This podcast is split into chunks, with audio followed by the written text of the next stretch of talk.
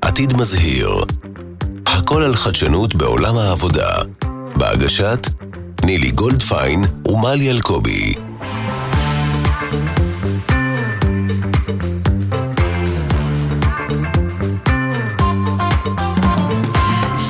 שלום, שלום, ברוכים הבאים, ברוכות הבאות. וואי, מלי, כמה זמן לא היינו פה. איזה געגועים. ממש, ממש. זה ככה מכניסים לנו לתוך החיים צוות מצחוקים, ואז לוקחים לנו את זה. ואנחנו מתגעגעים למיכל, ולשי, מתגעגעים וליאורה. לכולם. על האולפן. אבל הנה, אנחנו פה, אנחנו פה, ויש לנו היום נושא סופר סופר רלוונטי, מעניין, חשוב. אה, ואני אשתף בספר שקראתי לא מזמן. בדיוק אמרו לי אנשים שמקשיבים לתוכנית, תגידי, מתי יש לך זמן לקרוא? ואני אומרת, כי אני לא רואה טלוויזיה. אז- חכמה, חכמה. חכמה, כן. אז קראתי ספר מאוד מעניין כבר מזמן, ב-2017, שנקרא לתת ולקחת, של אדם בשם אדם גרנט. אדם גרנט הוא פרופסור ב-MIT, אחד הצעירים והמבריקים שיש, והוא עושה דבר מאוד מאוד חכם בעיניי. הוא לוקח חוכמה מאוד עתיקה, שאני מכירה מהבודהיזם, אה, מלי, כשדיברנו קודם, את דיברת על לשתף גם מהיהדות, אבל אה, תורה שמדברת על הקשר בין נתינה להצלחה. ואדם גרנט לקח את התורה הבודהיסטית של נתינה וחמלה לזולת, ועשה מזה סטארט-אפ. הוא לוקח את כל האנשים בעולם ומחלק אותם לשלוש קבוצות, כמו כל דבר טוב בצה"ל. יש את הקבוצה של אלה שנותנים, יש את הקבוצה של אלה שלוקחים, ויש את הקבוצה של אלה שמשווים. יענו, אני נותנת לך בלי חשבון, את נותנת לי בלי חשבון, או אני כל הזמן מנסה לדפוק אותך ואת כל הזמן מנסה לדפוק אותי, או שאנחנו עושות את זה ב-even. זאת אומרת, את נותנת לי, אני נותנת לך, את נותנת לי, אני נותנת, מתחשבנים. כן. והוא ניסה להבין מי מכל הקבוצות האלה הכי מצליח. הוא גילה תוצאות מאוד מעניינות. אה, אנשים שלוקחים כל הזמן, by definition, לא מצליחים. למה? כי באיזשהו שלב כולם עולים אליהם, ולאף אחד לא בא שיקחו לו כל הנצלנים, הזמן. הנצלנים, כולם מכירים אותנו. כן. כן. הם יכולים בהתחלה להיות נחמדים, אבל מהר מאוד עולים עליהם. אחר כך אלה שמשווים זה מבאס, כי מי רוצה חשבונאות? ואלה שנותנים זה tricky. הם הגיעו גם במקום הראשון וגם במקום הרביעי. מה ההבדל? יש כאלה שנותנים בלי חשבון, מה שאנחנו קוראים ה suckers או הפראיירים, כן. והם כל כך הרבה נותנים, הם לא מסתכלים על עצמם, ואז נגמרת השנה, והם מבינים שהם נתנו כל כך הרבה לאחרים, שהם לא השיגו את היעדים והמטרות של עצמם. יש כאלה שנותנים במידה, בשכל, בהיגיון, במחשבה על. איך נראה הארגון, יודעים לשמור על עצמם ולא נכנסים לאיזשהו קטע של עודף סטרס, והם אלה שהכי מצליחים בעסקים ובעבודה שלהם. זאת אומרת שהבודהיזם, שמדבר על נתינה לזולת וחמלה, בעצם תורה נכונה, יפה וטובה, שאנחנו יכולים לאמץ בחיי היומיום בעבודה, גם אם אנחנו פרט וגם אם אנחנו ארגון. מדהים. תמיד יש לך פניני חוכמה, בודהיסטים ורוחניים, נילי שלנו. ומאזינים יקרים, נילי בלי גרשיים. מזל טוב על הורדת גרשיים. תודה, תודה רבה, נדבר על זה תודה רבה. מתישהו. אני רוצה להתחבר למה שאת אומרת, גם בעולם העסקי, הרבה ארגונים בשנים האחרונות, כבר המון שנים, זה לא רק בשנים האחרונות, אבל בחמש שנים האחרונות זה הופך להיות יותר משוכלל, מחברים את כל הנושא של נתינה לקהילה, ואחריות חברתית, ואחריות לאקלים, ואחריות לזכויות אדם, ומחברים את זה ביחד עם הנושא של העובדים, בצורה נורא מעניינת. אחת הדוגמאות היפות זה מה שעושים הרבה שנים בחברת סיילספורס, אותה חברה שנותנת שירותי ענן אה, לשירות לקוחות ולמכירות. הם עושים אה, מין אה, פתרון שנקרא אחד על אחד על אחד. מה זה אומר בגדול? הם החליטו מ-day one, מהיום שהם קם, קמו, שזה 1999, זה מזמן ממש, שכל אחוז, כל שנה הם נותנים אחוז מההון שלהם, שהיום ההון, ה, ה, ה, מה שנקרא הקאפ, איך קפיטה. אומרים? קפיטה? איך אומרים את זה בעברית? אני לא יודעת. הוא 204 ביליון דולר. אחוז מהדבר הזה הם נותנים חזרה לקהילה דרך הנתינה בעולם הטכנולוגיה. אחוז נוסף זה הזמן של העובדים שלהם. הם נותנים לעובדים שלהם שבעה ימי חופש על חשבונם לתרומה לקהילה. שוב, בהכוונה לעולם של הדרכה לכלים טכנולוגיים, תחשבי כמה זה קריטי כל כך בימים אלו. ואחוז נוסף זה מה product, מהמוצר עצמו, שזה הנחה לעמותות ולאנשים שצריכים עזרה בתחום הטכנולוגיה. והם מאוד מצליחים, וזה עובד מאוד מאוד יפה. שבוע שעבר אני השתתפתי באיזשהו כנס שנקרא כלכלת אימפקט, שמדבר על העובדה שהיום קרנות הון סיכון גדולות, בעיקר בחו"ל, תורמות את אה, כספן או משקיעות את כספן רק בארגונים שעושים חלק ממה שנקרא כלכלת אימפקט, שזה אומר או שהם מתעדפים diversity, כאילו עוזרים לארגונים שנותנים העדפה לאפליה מתקנת, או שדואגים ל sustainability, לכדור הארץ. אבל הסיפור הזה... מה שהדור הזה מאוד מעריך, אגב. נכון. ממש על פי המחקר, הם ממש בוחרים ארגונים שתורמים לנושאים האלה. ובשביל זה יש לנו היום אורחת שתדבר איתנו. אז זהו, את בדיוק לקחת לי את המילים מהפה, כי אני רוצה להגיד שזה לא רק הדבר שתורמים לו כסף, שנותנים לו כסף, שנספר בעיני דור ה-Z או דור האלפא, אלא יש הרבה מאוד ארגונים שעושים איזו חשיבה קונספטואלית, ומחפשים משנת 2008 לא להיות קפיטליזם חזיריים, אלא להיות באמת בקטע של אימפקט, לא רק בשביל טוב הלב, אלא כי זה נכון עסקית. Mm-hmm. ואני רוצה להציג את האורחת שלנו הפעם, לימור שקו, טה-טה-טה-טה-טה-טה, סמנכ"לית משאבי אנוש בישראכרט. אה, בדיוק דיברנו על זה לפני שהתחלנו להקליט, לימור ואני הולכות המון שנים ביחד. לימור אה, הייתה לקוחה שלי בשיכון ובינוי, ועשתה דברים מופלאים בקטע של כלכלת אימפקט, לפני שקראו לזה כלכלת אימפקט. שזה מה זה מגניב השם הזה, כלכלת אימפקט? זה, זה פשוט ממש. מגניב, לכן אני אומרת, זה סקסי בעולם העבודה החדש, אבל היו אנשים שעשו דברים גם קודם. לימור, שלום. שלום, ואיזה מרגש, איזה פתיח, מדהים. ואפרופו מלי, מה שאת אומרת, כן. היום בראיונות עבודה, mm-hmm. ממש לא נדיר שמועמדים שואלים מה מדיניות הקהילה שלכם, ואיך אתם עושים, ומה אתם עושים, ומה הדוח ESG ואחריות תאגידית, זה מאוד מאוד מעניין, דווקא בעיקר חבר'ה צעירים. לגמרי, ממש ממש, אה, זה קריטי להם. קריטי אז להם. אז לפני שאנחנו צוללים לנושא, אני מניחה שרוב האנשים שמקשיבים לנו יודעים מה זה ישראכרט, אבל אני כן חושבת שיהיה נכון שתגידי כמה מילים על עצמך, כי אותך פחות מכירים, ואז גם תגידי כמה מילים על ישראכרט, כי קורים דברים בישראכרט. נכון. אז אני לימור, 25 שנה בעולמות משאבי אנוש, 10 שנים בנט ויז'ן, 10 שנים בשיכון ובינוי, 3 שנים ברשת, וואו, 13. ונראית ילדה. תודה. הפיצול של ערוץ 2, המיזוג עם חברת החדשות בערוץ 10, ובארבע שנים האחרונות בישראכרט, חברת אה, כרטיסי האשראי הגדולה בישראל, לכל uh, ארבעה, חמישה מיליון לקוחות. Uh, חברה שנותנת uh, ומספקת שירותים מתקדמים, שירותי תשלום מתקדמים, אשראי עסקי, צרכני. חברה בעיקר שנמצאת כרגע בטרנספורמציה, היינו חטיבה בבנק הפועלים, יצאנו לדרך עצמאית לפני ארבע שנים. מזל טוב. תודה. וזה מאוד כיף בעולמות HR, לחפש את עצמנו, את החזון, את העצמאות, את הדרך, אה, ו... ולהגשים אותה ביום-יום בתוכניות עבודה שאפתניות בעולם תחרותי אה, ו... ומאתגר במיוחד. לגמרי, התקופה לא פשוטה לכולנו, וזה האי-ודאות סביב העולם הפיננסי, יש כאן הרבה אתגרים. אז סביב עולם העבודה הפיננסי והרבה אתגרים והמצב רוח הבטטה שיש לכולנו סביב מה שקורה במדינה, אני אשמח אם תדברי איתנו קצת באמת על הסיפור הזה של איפה אז כלכלת אימפקט והקפיטליזם היותר נאור פוגש אתכם כארגון פיננסי, שאמור להיות בעצם בצד הכל כך קפיטליסטי. אז כמו שאמרתי מקודם, אנחנו ארגון בטרנספורמציה, ובשנה, שנתיים האחרונות אנחנו הופכים כל אבן, וגם בנושא של העבודה עם הקהילה. בעבר ישראכרט אה, הייתה, כמובן עודנה, אבל באמת בנתינה אינסופית, פניות רבות של עמותות, אה, כסף לגורמים רבים, התנדבויות שונות וכולי. קורונה, כמו הרבה מאוד דברים, גם שינתה את תפיסת העולם הזו. ו... החלטנו להתמקד קצת יותר, כחלק מתפיסת אה, ה-HRBP. הפכנו בעצם את העבודה עם הקהילה ממעורבות מסורתית יותר, של חלוקת סלי מזון, צביעת אה, בתי קשישים וכולי, למשהו קצת יותר אסטרטגי.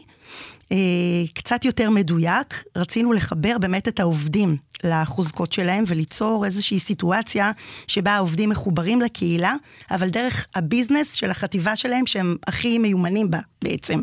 מה. למשל? אז אני אתן כמה דוגמאות. לכל יחידה עסקית יש פעילות שנתית עם כסף ויעדים ומדדים וכולי, שהיא בעצם תומכת בביזנס. אה, בדרכי פעולה אה, שונות. אני אתן אה, כמה דוגמאות, כי זה באמת בינתיים מאוד מאוד הוכיח את עצמו. אה, כל חטיבה מיומנת במשהו מאוד מסוים. למשל, חטיבת ניהול סיכונים מאמצת את העמותה לקידום חינוך תל אביב-יפו. חטיבת ניהול סיכונים מטפלת בהונאות בכרטיסי אשראי בלקוחות, ואימצה 300 קשישים, שבעצם ליוותה אותם בשפות שונות, ברוסית, למשל. כדי אה, שלא יעשו את כל העקיצות הבלתי נסבלות שעושים להם כל הזמן. ממש ככה, במזעור. הונאות, ו... ולא רק פלטפורמה מקצועית פנים-ארגונית, אלא גם למתנדבים שמתנדבים בעמותה ולבני המשפחות שלהם.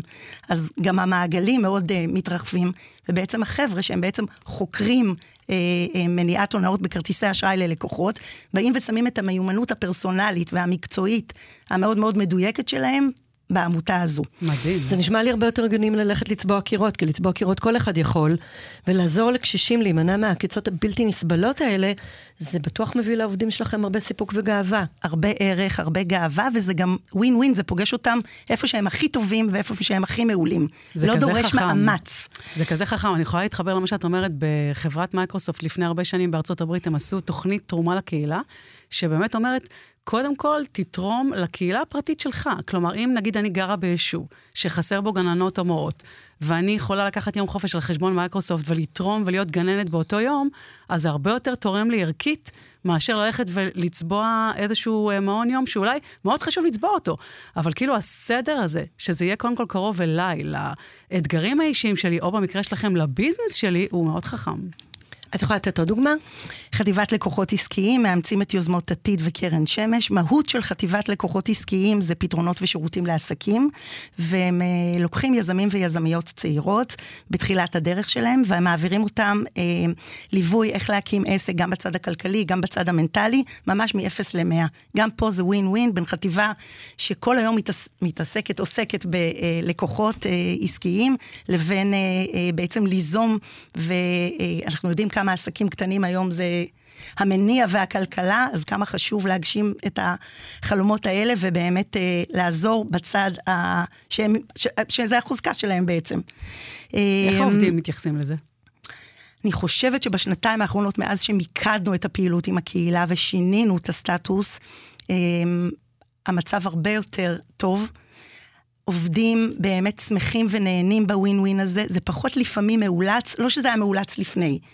אה, תמיד זה כיף, נתינה, בכל דרך שהיא. נתינה תמיד כיפית, אבל רק בדיעבד, הרי כולנו יודעים כמה זה קשה. זה, כן, את, גם את אנחנו, יכולה להגיד את זה. גם אנחנו, כן. גם אנחנו בעצמנו, כאילו, אה, אנחנו כולנו עמוסים, כאילו, ותמיד זה כאילו נדחק לתעדוף הכי נמוך, אבל תמיד אחרי שאנחנו עוזרים, אנחנו אומרים, וואו, איזה כיף זה היה, נכון. איזו תחושה מדהימה הזאת.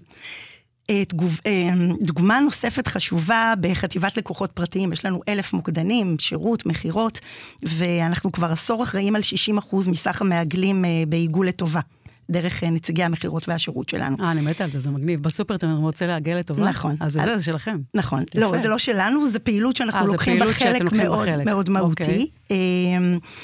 השקנו לפני כשנה כרטיס גאה לקהילה הגאה, ויצרנו מאץ', מי שרוצה לתרום לקהילה הגאה ויתקשר למוקדים שלנו, יכל לבחור עמותות בבעלות הקהילה הגאה וכולי. אז זה באמת יופי. חיבור לביזנס ולמוצר. אה, זה דברים שהם אה, גורמים גם, וזה כבר פודקאסטים אחרים, אבל למיתוג מעסיק, למחוברות עובדים, לערך, להגשמה ובאמת לווין ווין. מעניין אותי. לדעת, כי אתם בסך הכל בסופו של יום ארגון עסקי, גם אני מבינה שרכשו אתכם עכשיו, את בכלל אה, עוד, עוד יותר מסתכלים על השורות התחתונות. אה, מה שאמרתי קודם על אדם גרנט, האם אתם מודדים את המהות או את הערך שיש לנתינה, לא רק ברמה של מחוברות עובדים, אלא ברמה של תוצאות עסקיות? יש לכם איזה קשר, איזה קטע של לבדוק מה זה נותן לכם? אז כרגע אנחנו בדיוק משלימים את ה-ESG, את הדוח, ואני חושבת שאז נוכל למדוד את עצמנו הרבה יותר טוב. הצעד הראשון לזה היה באמת, אני חושבת, החיבור הזה של הביזנס לקהילה, כי בסוף זה תורם לש... לא, לא אגיד זה תורם לשורת הרווח, אבל זה בהחלט בא לידי ביטוי העשייה העסקית של העובדים ב... בנתינה הזאת. אז uh, עוד מדידה ממשית אין, אבל אני חושבת שאנחנו בדרך לשם, כי אני חושבת שאנחנו גם החברה היחידה uh, מבין חברות כרטיסי האשראי שממלאה ESG. במעלה אנחנו תסבירי רגע, גם... ESG לא אה, כולם מכירים. אז ESG זה דוח אחריות תאגידית, שמשלב בתוכו מדדים חיצוניים, שמודדים אה, את הארגונים בצד הכלכל, הכלכלי, החברתי, הסביבתי, ובעצם אנחנו מודדים את עצמנו בבנצ'מארק לחברות אחרות, איפה אנחנו עומדים. אה, והיופי זה שכל פעם אנחנו מקבלים כל שנה את הפערים שעולים מהדוח, ומכניסים אותם לתוך תוכניות העבודה, כך שאנחנו באמת יכולים לשפר וללמוד ו... ו... ולהתקדם. מדהים. אה, אז... אגב, זה, מבחינת אה, מדדים זה ידוע ש... חברות שמשקיעות בדברים האלה, השורת רווח שלכם משתפרת, כלומר זה כבר במ, מוכח. בממוצע בסטטיסטיקות, בסקרים אני יודעת שזה כן, קרה. כן. אני גם יודעת אה, שמה שלימור אמרה בתחילת הפרק, יש היום הרבה מאוד אנשים אה, מדור ה-Z ודור האלפא, שייכנסו לארגון וישאלו, מה אתם עושים בשביל הקהילה, מה אתם עושים בשביל החברה, ואני יודעת גם להגיד שאנשים אומרים לי, אני לא הולך לשם, כי הם אין... רק נכון, ככה וככה נכון, וככה. נכון, נכון. אם אנחנו אגב רוצים לרגע, לתת את הסטטיסטיקה על דור ה-Z, מבחינת הדברים שחשוב להם, ממש נכון לזה הרגע, הם מתנגדים לעוני, הם תומכים בסביבה של מדיניות ירוקה בארגונים, והם תומכים בזכויות אדם. אלה הקטגוריות הגדולות שהם אה, ממש מצביעים ברגליים אם זה לא קיים בארגון, ומאוד מעריכים ארגון שכן עושה את זה. זה מתחבר לי מה שאת אומרת. אנחנו ארגון רב-דורי. יש לנו עובדים מאוד ותיקים ומבוגרים, mm-hmm. אה, עובדים בדור ה-X והעובדים שציינת, ולכן האתגר, בכלל ה-HRי, אבל בטח גם כאן הוא, הוא יותר אה, גדול, כי צריך להתאים באמת את, ה, את כל הפעילויות לכולם. נכון. אבל אה, גם זה אתגר. שאנחנו מתמודדים איתו. אנחנו צריכות לארוז עם כמה טיפים. ואני רוצה ברשותכם רגע לשתף uh, מהבוקר, uh, התקשרתי לנילי הבוקר, uh, לדבר איתה על הפודקאסט שלנו. אז היא עונה לי, היא אומרת לי, זה דחוף, כי אני באמצע פגישה. אמרתי לה, לא, תסיימי את הפגישה ונדבר. אז היא אומרת לי, אני עניתי לך, את כמו הילדים שלי, אני עונה לך. באמצע פגישה אמרתי, וואו, כאילו, היא עונה לי, אני כמו הילדים, זה, זה מדהים. עכשיו, עצם העובדה שהיא אמרה שהיא עונה לילדים באמצע פגישה, זה הזכיר לי משהו נורא משמעותי לגבי הפרק שלנו. אני לא uh, בתחום הרוחניות כמו נילי, אבל יש משהו שלמדתי מזמן ואני מאוד מאוד אוהבת אותו, איך uh, להתייחס למילה אחריות לפי הקבלה, שזה מאוד מתחבר לכל הפרק הזה. הם אומרים, תתחילו בלקיחת אחריות על החיים שלכם, קודם כל באלף. האלף מייצגת את האני שלכם, זה הבריאות שלכם, זה ה-well-being שלכם, זה כל הדברים הכי בסיסיים, כי אחרת לא תהיו פה בשביל האחרים. אחר כך תתקדמו שלב לאלף-ח', שזה האח, הסביבה הקרובה, שזה המשפחה הגרעינית שלכם. אל תתבלבלו עם תרומה לקהילה לפני שרגע הייתם עם הילדים שלכם ועם הבני זוג שלכם, ואולי ההורים שלכם, זה מאוד, אנחנו הרבה פעמים מתבלבלים. ואז יש את האחר, שזה באמת הקהילה היותר מרוחקת, ואז אם אנחנו מנהיגים ואנחנו עושים את זה כמו שצריך, אנחנו גם הולכים אחרינו, זה אחריי. זו דוגמה אישית מאוד מאוד טובה, ואם עושים מניפולציה קטנה למילה ומורידים את היוד, יש את המילה חירות, חופש, כי כשלוקחים אחריות, אנחנו בחופש מול עצמנו. וזה הזכיר לי את הסיפור של נילי, וזה שנילי אמרה שהיא עונה לילדים באמצע פגישה, זה בדיוק זה. גם כשאני באמצע פגישה, יש אנשים שצריך לענות להם, מה לי והילדים? אבל בגדול, זה מתי טיפ... מתי אני אהיה בסטטוס הזה? אבל זה טיפ, זה טיפ כאילו מאוד מאוד משמעותי למי שמאזין לנו. אל תהיו ציניים כלפי אה, אה, ארגונים שתורמים לקהילה, אה, כי יש הרבה ציניות כלפי זה. תשאלו את עצמכם קודם, אתם תרמתם? אתם תרמתם לדודה שנמצאת הרבה זמן לבד בבית אבות ועוד לא ביקרתם אותה, לזמן איכות עם הילדים שלכם, לעצמכם. תשאלו את עצמכם את השאלות האלה לפני שאתם נהיים ציניים כלפי אחרים, ותתרמו גם לקהילות הפרטיות שלכם וגם בתוך הארגון שלכם, ותתחברו לארגונים כמו ישראכרט, שזה מדהים. אה, מה הדבר הבא מבחינת האחריות התאגידית והתרומה לקהילה? כי אתם עברתם מתרומה גנרית לכל מיני דברים שלא קשורים לעבודה המקצועית של האנשים, למשהו שהוא בעיניי פיצוח מעניין מאוד, של לשים ביחד את טובת הפרט שמקבל, את האחריות ואת הגאווה של הנתינה של הפרט הנותן על הקטע הפרופסיונלי שלו, ואת הארגון כארגון שמסתכל יפה על האקו-סיסטם. זה פיצוח חזק. מה הדבר הבא? אני חושבת שזה המדידה. אני כרגע נורא מתלהבת וזה תחושות, ונראה לי שאנחנו עושים משהו נורא טוב וווין ווין. אנחנו צריכים להתחיל יותר למדוד את עצמנו ולראות שבאמת גם העובדים ככה חושבים, וגם הקהילה, אני בטוחה שכן, אבל אין דבר שהוא, שאנחנו עושים טוב והוא חייב בעצם להימדד. הזדמנות קטנה להגיד תודה לעובדים המהממים, לעובדות והעובדים המהממים שלנו, שלוקחים חלק